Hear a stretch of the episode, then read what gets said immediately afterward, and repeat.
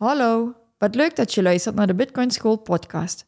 Voordat de les begint, willen wij nog even onze disclaimer opnoemen. De podcast en onze website zijn geen financieel advies en enkel bedoeld voor algemene informatiedoeleinden en entertainment. Vind je onze podcast leuk? Hecht je er waarde aan en wil je de podcastaflevering al een dag eerder beluisteren? Neem dan een kijkje op petjeaf.com slash bitcoinschool. Alvast bedankt en dan beginnen we nu aan de les.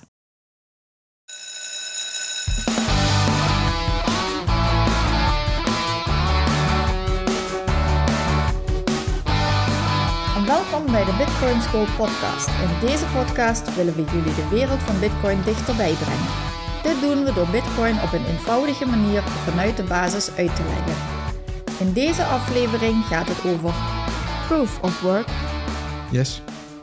Een tweede aflevering over Proof of Work. Ja, omdat we bij de eerdere afleveringen nu erachter kwamen dat er toch nog even uitgelegd moet worden, vooral de waarom. Wat is belangrijk aan Proof of Work? En wat maakt het bijzonder? En allereerst, voordat we met Proof of Work verder gaan, eh, moeten we de bloktijd even erbij pakken. En de bloktijd is op dit moment 807.763. Goed, nou, goedemorgen, dan kunnen we starten. Proof of Work. Yes. Wat is Proof of Work? Nou, als jij hartstikke gezweten met een rood hoofd uit de sportschool komt, dan is dat Proof of Work. Heel duidelijk, ja. Dan heb je heel duidelijk laten zien Dat je werk verricht hebt. dat je tijd en energie inderdaad ergens in hebt gestoken. En dat je Ja. inderdaad tijd en energie in iets gestopt hebt. Ook het maken van een heel mooi schilderij, waarbij je heel precies die penseelstreepjes op het, eh, op het doek ziet, eh, is voor mij ook proof of work. Ja, want ook daar weet je dat er tijd en energie in heeft gezeten om dat te maken. En een heel mooi natuurverschijnsel, een hele mooie grote boom, is ook proof of work. Want je kan, als dat boompje nog heel klein is, kan je er wel heel erg hard aan gaan trekken, maar dan wordt het geen hele mooie grote boom.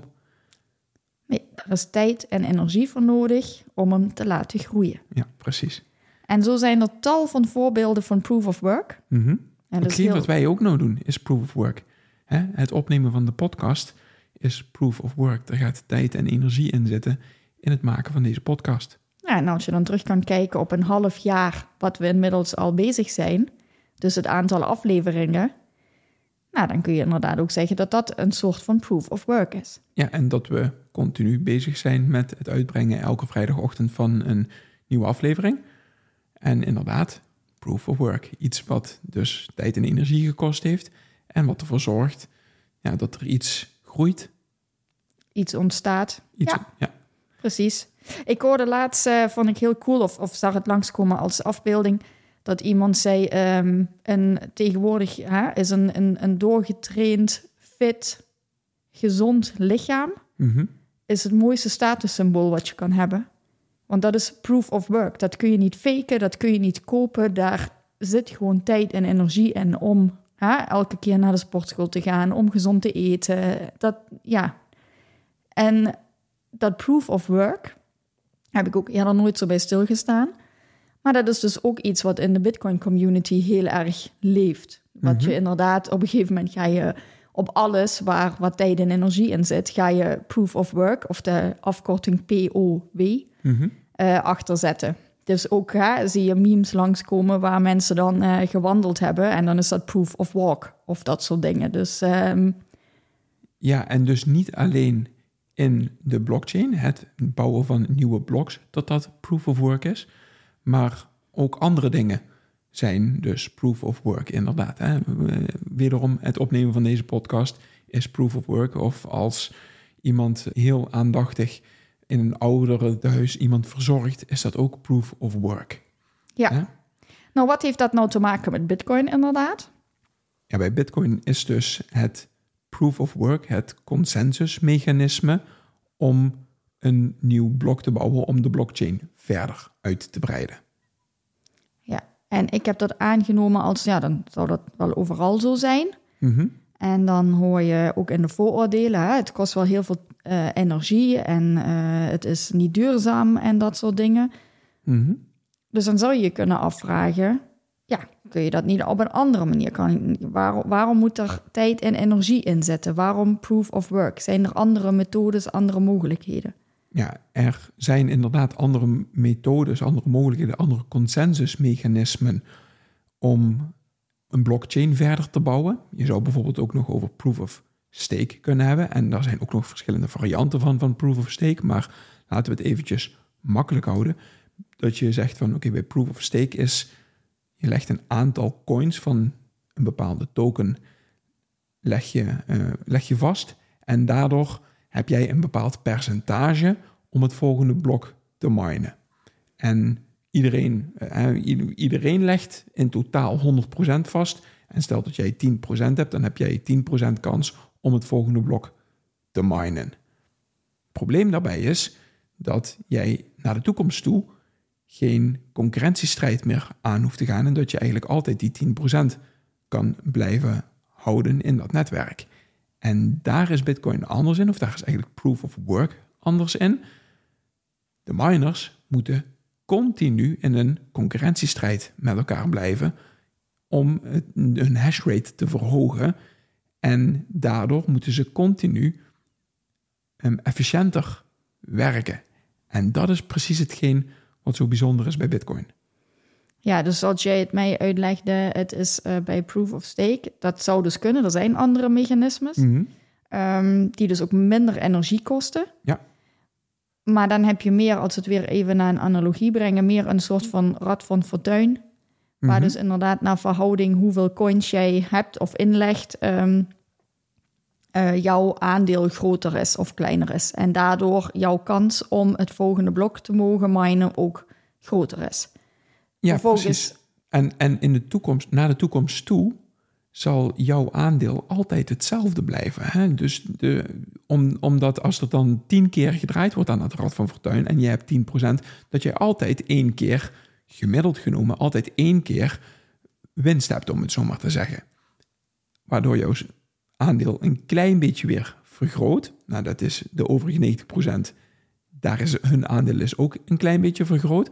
Maar naar de toekomst toe ga jij nooit jouw aandeel in het Rad van Fortuin gaat nooit kleiner worden.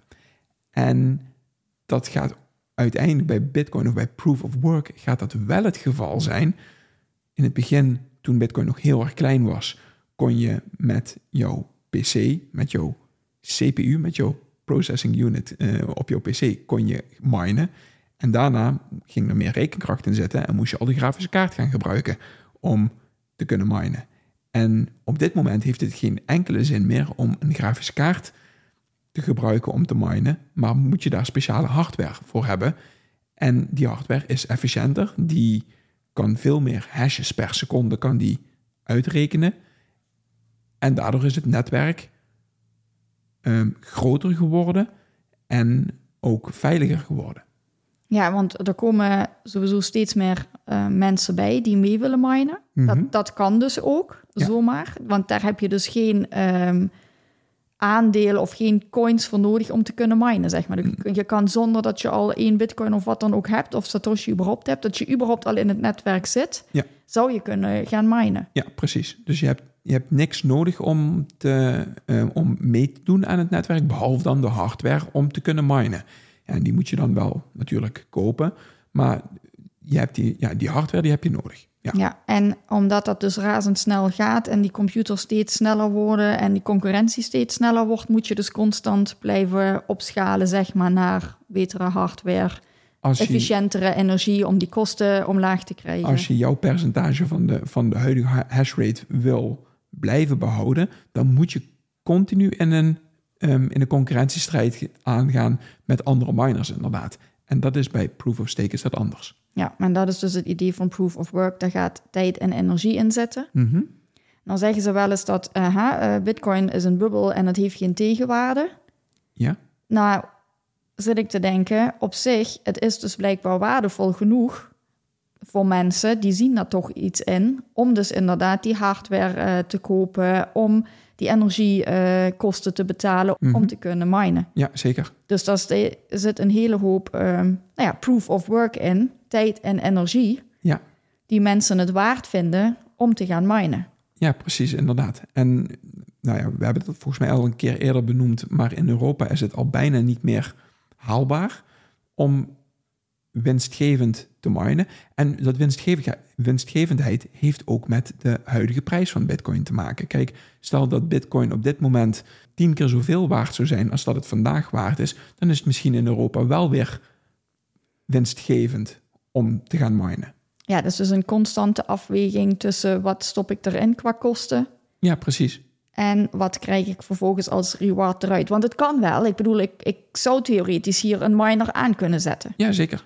Je kan die gewoon kopen en dan stop je die in het stopcontact en dan begin je. Alleen, wat ben ik dan kwijt? Hè? Wat kost het me uh, qua ja, hardware om dat ding te kopen en wat kost het qua stroom die ik moet betalen? En dat is wat jij bedoelt met, ja, dat is voor een normaal huishouden uh, in Europa met de energiekosten tegenwoordig gewoon niet rendabel. Want ik haal er niet uit als ik een blok kan minen wat ik daar van tevoren allemaal heb ingestopt. Nee, ja, precies. En daar komt inderdaad bij, het heeft allemaal met de huidige prijs van Bitcoin te maken. Want als de prijs van Bitcoin tien keer zoveel is, dan is het misschien wel efficiënt genoeg om te minen op dit moment. Ja, en vandaar dat het constant een strijd is ook uh, met uh, hoe kan het efficiënt en wat, haal, wat stop ik erin, wat haal ik eruit. Vandaar dat er ook gekeken wordt naar uh, hernieuwbare energieën, naar hoe kan ik als miner zijnde... Hè, als... Hoe kan ik zo goedkoop mogelijk aan de energie komen? Nou ja, en hoe kom je aan goedkope energie? Dat is energie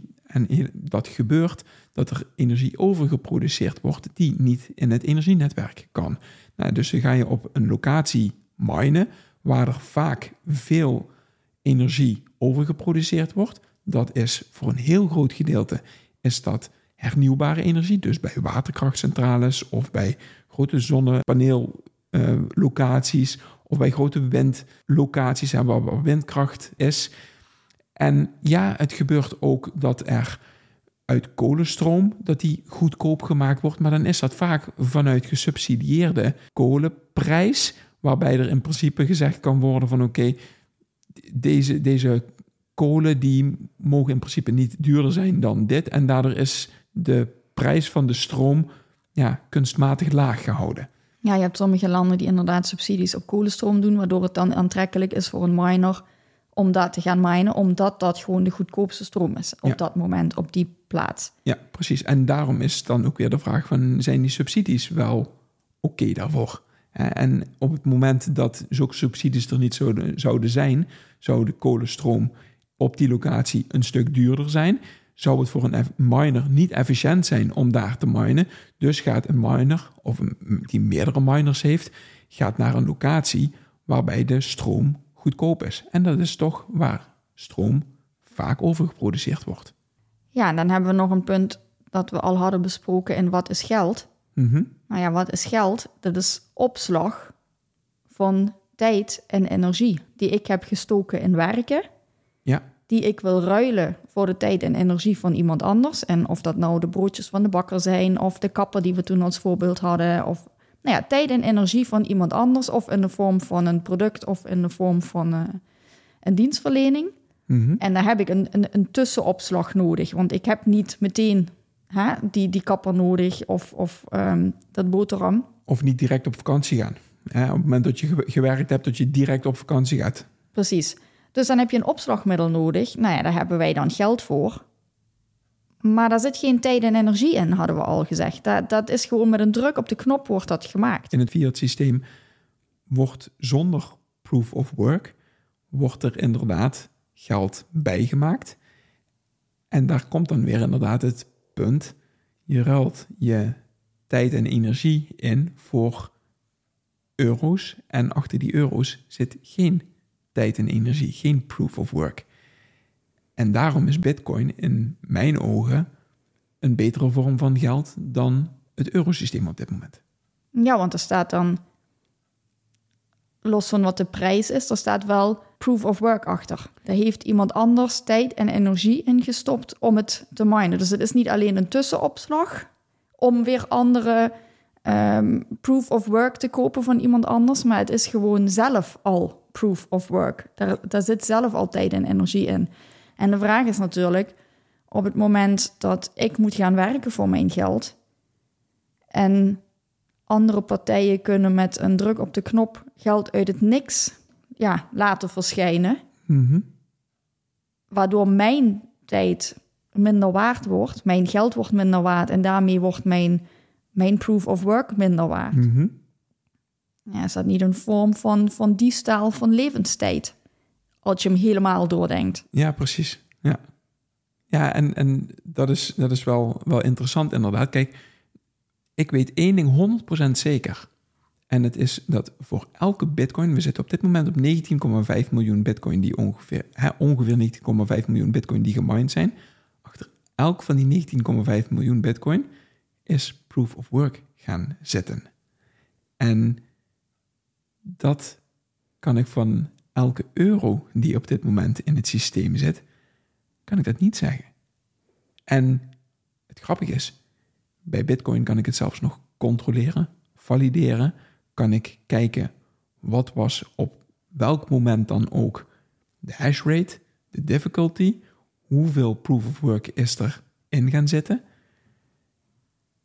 En dat is bij het huidige systeem, bij het eurosysteem, is dat allemaal maar zo wazig, zo door ondoorzichtig als maar wat. Ehm, een aantal centrale partijen die aan wat knopjes draaien om de rente te verhogen of te verlagen en om quantitative easing te doen, kwantitatieve verruiming te doen van het geld of weer quantitative tightening om de inflatie weer te, te Ja, drukken. er wordt enorm veel gestuurd.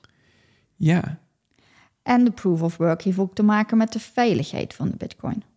ja, indirect wel, want proof of work zorgt ervoor dat er een continue concurrentiestrijd is voor meer hashrate in het netwerk, omdat je op dat moment jouw aandeel in het netwerk om nieuwe bloks te kunnen vinden wil vergroten.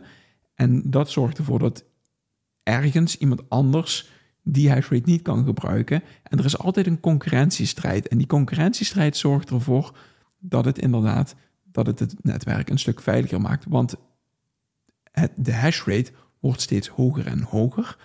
En dat betekent dat er nooit één partij kan zijn die zo gigantisch veel hashrate kan opbrengen om het netwerk op een gegeven moment te kunnen controleren. In het begin was dat wel het geval. In het begin toen, toen Bitcoin nog onbekend was en dergelijke, toen was het onderhevig aan aanvallen, omdat de hashrate nog niet groot genoeg was. Maar op dit moment kan dat uh, bijna niet meer gebeuren, inderdaad. Ja, want uh, helemaal in het begin waren het nog zo weinig. Daar was het in aanhalingstekens makkelijk geweest om even flink te investeren, meer computers te kopen en dat dus te overrulen. Maar dat gaat je nu echt niet meer lukken. Ja, en je, je het, kan ook niet meer uh, zoveel energie op één plek opwekken om, uh, om, om dat netwerk nog te overroelen. Ja, precies. En in het, grap, het grappige is, in het begin, hè, in die tijd waar we het zojuist over hadden, toen was voor iemand ook de incentive om, om het netwerk te hacken, was in principe er nog niet, omdat de prijs van Bitcoin nog redelijk laag was. Dus daar maakte dat eigenlijk niet zo gigantisch veel uit en was, ja, had het eigenlijk weinig zin om het te hacken. Nu is het wel interessant om misschien controle over het netwerk te krijgen, maar nu lukt het niet meer, omdat er zoveel miners zijn die concurreren om het volgende blok te kunnen minen. En daarom is het is wel grappig, die concurrentiestrijd, en het is een continue concurrentiestrijd, dat zal alleen maar groter en groter worden. Nou ja, en het is ook zo, zelfs stel het zou je lukken mm -hmm. om een transactie erin te schrijven, uh, of juist niet erin te schrijven, hè? dat je je transactie uh, niet mee opneemt en dan heb je een bitcoin uitgegeven, maar hij staat niet in de blok, of je schrijft er meer bitcoin in dan dat je jezelf mag toekennen. Ja. Maar op het moment dat de nodes het dan niet accepteren en die hebben door dat jij fout hebt gespeeld, ja, dan ben je al die tijd en energie kwijt. Al die kosten voor de hardware, al die kosten voor de, hè, wat het stroom kost om de hardware aan te zetten, die heb je dan al uitgegeven mm -hmm. en krijg je er niks voor terug. Ja, ja precies. En, en daarom loont dat niet. Dan kan je beter fair spelen, omdat die incentive zoveel groter is dan fout spelen. Dus het is zo geniaal bedacht. Ja, het mooie daaraan is inderdaad dat het voor alle partijen, dat het zo ontwikkeld is, dat geen enkele partij zegt, hey, ik ga hier opzettelijk de boel proberen te bezeiken, want op dat moment, dan kan je jezelf alleen maar in de vingers snijden. Ja, En dat is het. Dus mensen proberen het niet eens. dan ben je dief aan je eigen portemonnee. Ja, precies. En er is nog één puntje wat ik ook laatst gehoord heb in een podcast. En die vond ik, vond ik zo ontzettend sterk. En die wil ik ook nog wel hier, eh, hierin. Dat Bitcoin is het enige goed wat losgekoppeld is van vraag en aanbod. Hoe meer vraag er bij Bitcoin is, die vraag kan groter en groter en groter en groter worden. Dat zorgt er niet voor dat er meer Bitcoin gaan komen. Want het mechanisme is zo opgebouwd dat er gemiddeld genomen elke 10 minuten een blok gevonden wordt. Ook al stijgt de interesse in Bitcoin, dat zorgt er niet voor dat ook het aanbod van Bitcoin gaat stijgen.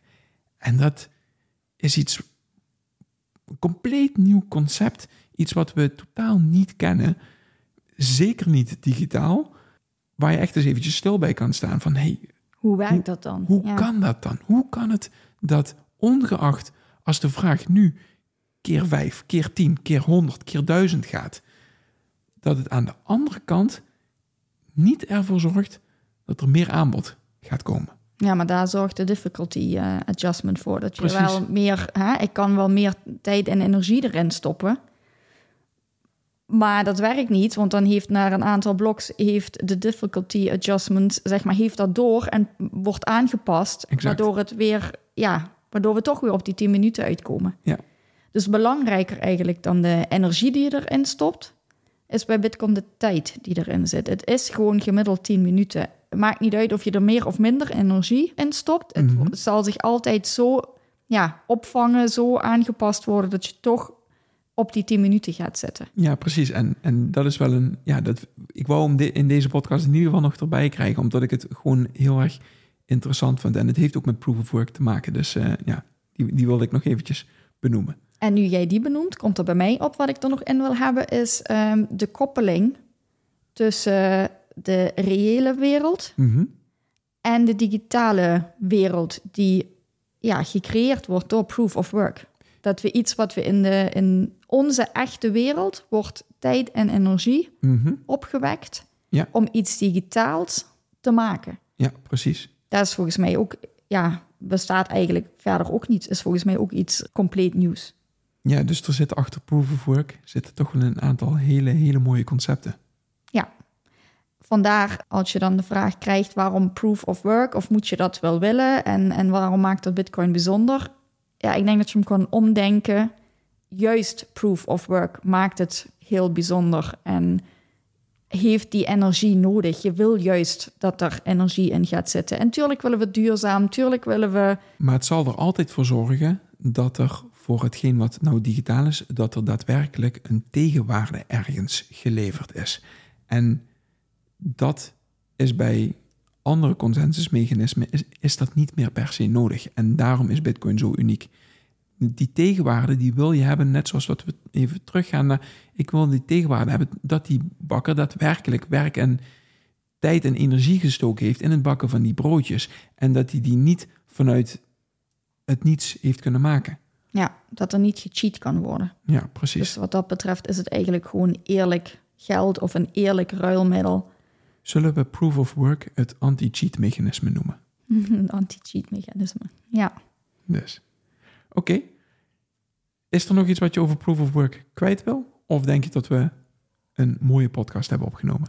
Ik denk dat we een hele mooie podcast hebben opgenomen. Dan gaan we hem hierbij beëindigen. Tot de volgende keer. Doei doei.